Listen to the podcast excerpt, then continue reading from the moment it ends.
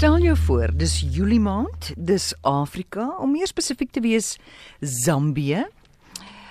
Dan nooi Dave Peppler jou uit om saam met hom te kom sit op die walle van die Zambesi rivier en hy het die volgende om vir ons te vertel. Liewe Amore, liewe luisteraars. Ek sit op die wal van die Zambesi by Mana Pools. Dis hier tussen Kobora Bassa en die Kariba meer aan die Zambia kant. Ek is die gas van gewaardeerde en geliefde vriende by seker een van die mooiste kampe wat ek al in my lewe besoek het. Teen die water hier waar die Zambesi seker ten minste 3 tot 4 km wyd is. Omgewe deur absoluut ongerepte natuur.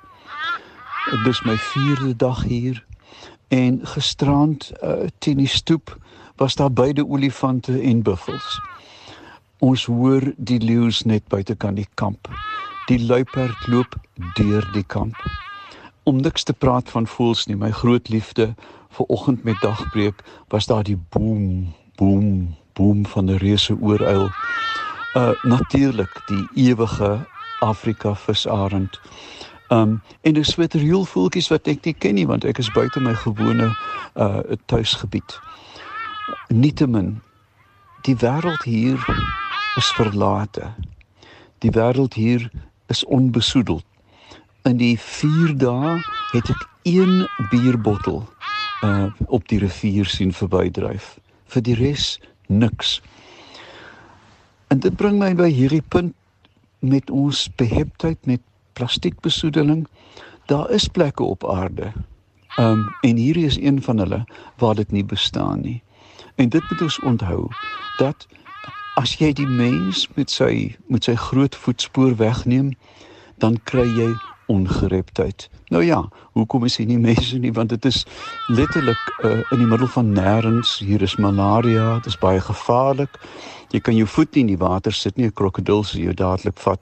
Seekoeie is baie gevaarlik hier.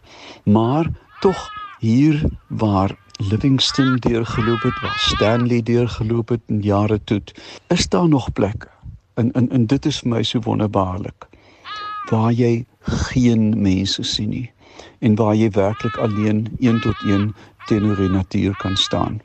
Nou wat die effek het dit op my gehad? Ek is mos nou 'n dorp Japie deesdae en ek werk al hoe minder in die natuur.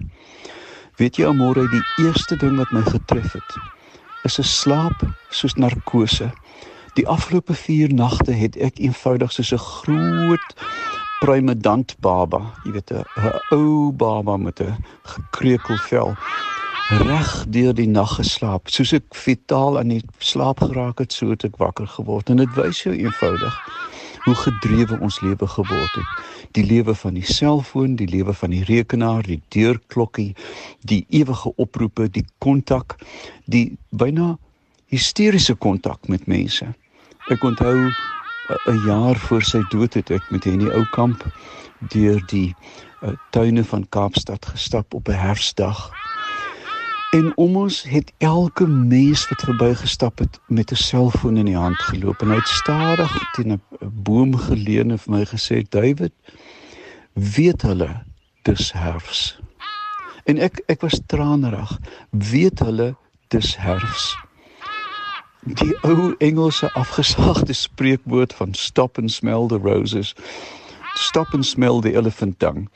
Uh, ons moet nou en dan al kos dit jou 'n arm en 'n been. 'n poging maak om weg te kom van hierdie impulse en en die elektronika en die media wat ons lewe totaal deursuipel en beheer. En ek is in die gelukkige posisie om nou dit te kan beleef. Weg van alles. Hier ek meen ek praat nou met jou natuurlik maar ek gaan my foon weer neersit daarna. En die die gawe wat hierdie landskap jou bied is om net te kan wees om net eenvoudig stil te sit en na jou eie hartklop te luister. Wat bring dit jou? Vreugde? Nee, nie altyd nie, want jy dink aan jou eie feilbaarheid. Ek dink byvoorbeeld ek is in die laaste pylvak van my lewe. Die dood loer vir my op die horison naby. Maar dit maak my nie bang nie. Dit maak my dankbaar dat ek hierdie goed kon beleef, dat ek hierdie goed kon verwoord.